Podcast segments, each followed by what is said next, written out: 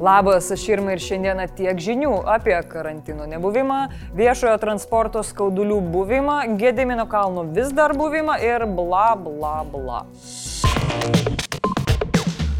Net 32 savivaldybės atsidūrė juodojoje koronaviruso susirgymų zonoje. Lietuvoje pastaruoju metu vidutiniškai per dieną registruojama 1360 atvejų, 14 dienų sergamumo rodiklis apie 635 atvejus 100 tūkstančių gyventojų. Maža to, skiepijimo tempai lėtėja. Jis itin mažas 12-15 metų grupėje. Medikai perspėja, kad tarp berniukų ir jaunuolių fiksuojami dažnesni miokarditų atvejai pasiskiepijus, bet skiepo nauda ženkliai didesnė. Po COVID-19 kai kuriems vaikams pasireiškintis multisisteminis uždegiminis sindromas gerokai pavojingesnis. Bet karantino įvesti dar neplanuojama. Pokyčiams užteks ekstremaliosios padėties režimo. Teisininkai išaiškino, kad jei nesilaikome reikalavimų, kaltas bus klientas, o ne paslaugos teikėjas. O štai tie pokyčiai. Grįžta privalomos kaukės uždarose patalpose. Taigi galimybę įeiti kavos plikų veidų galite braukti iš savo galimybių paso. Atsiranda primiktinė rekomendacija dirbti nuotoliu. Sveikatos apsaugos ministras patikslino svarbiausią dalyką. Pandemija gali padėti suvaldyti tik tai skiepijimasis. Taip kad aš tikrai prašyčiau nemaišyti. Kaukės čia yra tik tai, nusakykim, tokia viena iš priemonių, kurios matome, kad kaip rekomendacijos yra neklausoma, tai tiesiog jinai yra sugriežtinama ir tik tai tiek. Pokyčiai įsigaliojo nuo penktadienio, premjerė sakė. Kitų kažkokių pakeitimų vyriausybė tikrai dabar nėra nusiteikusi daryti ir pagrindinė strategija ir toliau yra įtikinti skiepytis tuos, kurie iki šiol nusprendė nesiskiepyti, ypatingai vyresnio amžiaus žmonės, kuriems kyla didžiausia rizika mirti. Jeigu klostytųsi padėtis tokia, kad a, ligoninių sistema, sveikatos sistema nebegalėtų funkcionuoti, tai žinoma, kad a, sprendimai tuomet bus tokie, kad reikės matyti visiems nurimti keliom savaitėm. Ką Jūs manote apie privalomas kaukės uždarose patalpose, o darbą iš namų? Parašykit komentaruose. Ačiū. Gyvenantiems Vilniuje tenka dažnai pasinaudoti viešuoju transportu. Taip patogiau, bent jau kol kas, nes Vilniaus viešojo transporto profesinė sąjunga ruošiasi streikui. Jei ketvirtadalis balsavusiųjų profsąjungos narių tam pritars, tikėtina, kad spalio 21-22 dienomis pamatysime įspėjamuosius streikus. Pokyčiams nevykus, neterminuotas streikas prasidėtų nuo spalio 28-osios. Anot profesinės sąjungos vadovo Algirdo Markevičiaus, įspėjamieji streikai vyktų nuo pusės šešių iki pusės aštuonių, kad gyventojai išvengtų didesnių nepatogumų. Tiesa, trečdalis viešojo transporto vis tiek važiuos. Tuo tarpu Vilniaus meras Remigius Šimašius pareiškė, kad įmonės vadovybė apie galimą streiką sužinojo tik iš žiniasklaidos. Jis pabrėžė, kad jau pamiršti laikai, kai atlyginimai vėluodavo ar nebūdavo mokami, o ir parkas atnaujintas. Trys ketvirtadaliai autobusų yra nauji, penktadalis troleibusų irgi nauji. Šimašiaus teigimu Vilniečiai viešai transportą vertina 8 iš 10. Neblogai. Anot mero labai gerai žinoma, kad klientams reikia naujų transporto priemonių ir gero aptarnavimo, o visiems darbuotojams gerų darbo sąlygų ir gero uždarbio.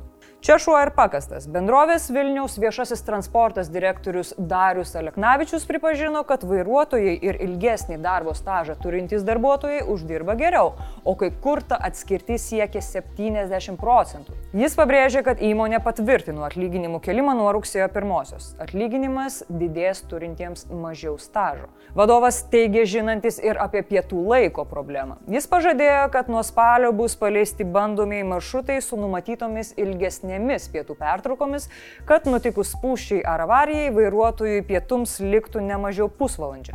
Jis dar kartą pakvietė profsąjungas prie dėrybų stalo. E, taip, dabar nesistebiu, kodėl kartais autobusas uždaro duris prieš pat nosį. Tiesiog kenčiam visi.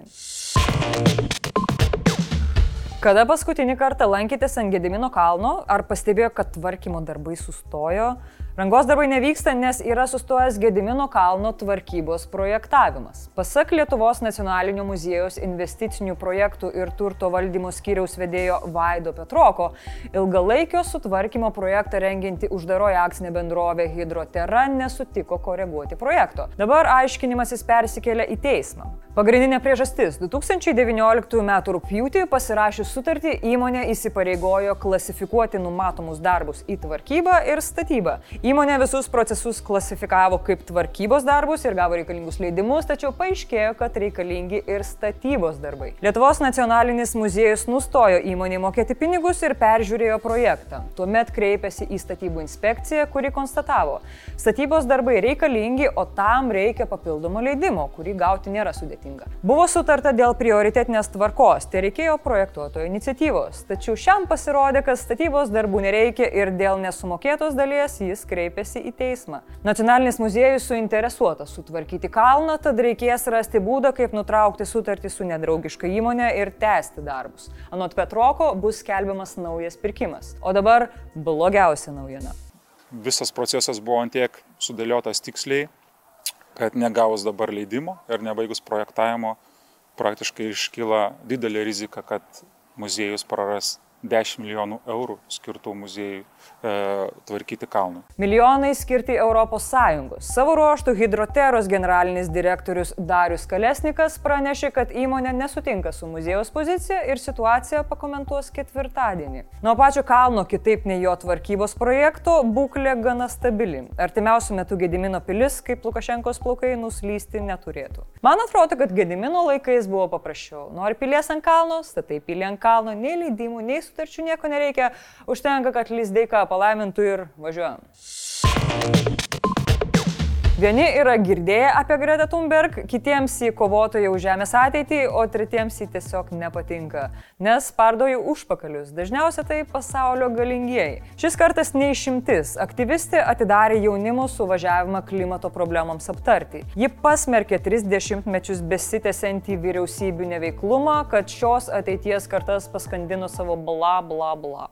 There is no planet B. There is no planet blah, blah, blah, blah, blah, blah, blah. Pasaulyje yra labai mažai žmonių, kurie gali taip pašiepti galingiausiųjų valstybių vadovus ir dar dėl to sulaukti plojimų atsistojus. Greta piktinosi, kad žodžiai nevirsta konkrečiais darbais. Šis neveiklumas yra ateities kartų išdavystė. Thunberg iš esmės yra teisi. 2015 metais valstybės pasirašė Paryžiaus sutartį, kuria įsipareigojo siekti, kad klimatas kasmet šiltų ne daugiau nei pusantro laipsnio pagal Celsijų. Praėjo šešeri metai, o šalys dar nesutarė, kaip tai gyvendins. Išsivyščiusių šalių lyderiai lyderiai prieš dešimtmetį susitarė pervesti 100 milijardų besivystančioms šalims, kad padėtų sumažinti anglies dvideginio išmetimą. Šis pažadas dar kartą patvirtintas 2015-aisiais. Padaryta? Nope. Jaunieji aktyvistai pateiks bendrą kreipimąsi į šios savaitės gale vyksiantį ministrų susitikimą, per kurį ketinama atlikti parengiamosius žingsnius lapkritį Glasgė vykstančiai COP26 konferencijai. O aš manau, kad mums reikia daugiau gretų, nes neišspardytų užpakalių pasiūla tikrai viršyje paklausą. Ir šiaip visiems patiktų vėsesnė ir švaresnė planeta, ar ne? Abejo, jums patinka mūsų žinios, prenumeruokite mūsų kanalą ir jeigu turite komplimentų, pastabų, pasiūlymų, pastebėjimų, tai tiesiog iškart į komentarus, ok? Blitz naujienos. Mirė vienas žinomiausių lietuvių kompozitorių Bronius Kutavičius. Jam buvo 89. Jis lietuviško minimalizmo pradininkas, modernizavęs lietuvių muziką, o pasak muzikologijos Juratės Katinaitės, jo kūriniai tapo kultūriniais reiškiniais, kurie sukrėsdavo klausytojus iki širdies gelmių. Užuojautą. Daugiant migrantų pabėgimų iš apgyvendinimo centrų sutarta stiprinti jų apsaugą. Bus skirta daugiau pareigūnų patruliavimo ekipažų, kiekvienai apgyvendinimo vietai skirtas apsaugos koordinatorius. Nuo metų pradžios pabėgo 704 migrantai, 146 gražinti.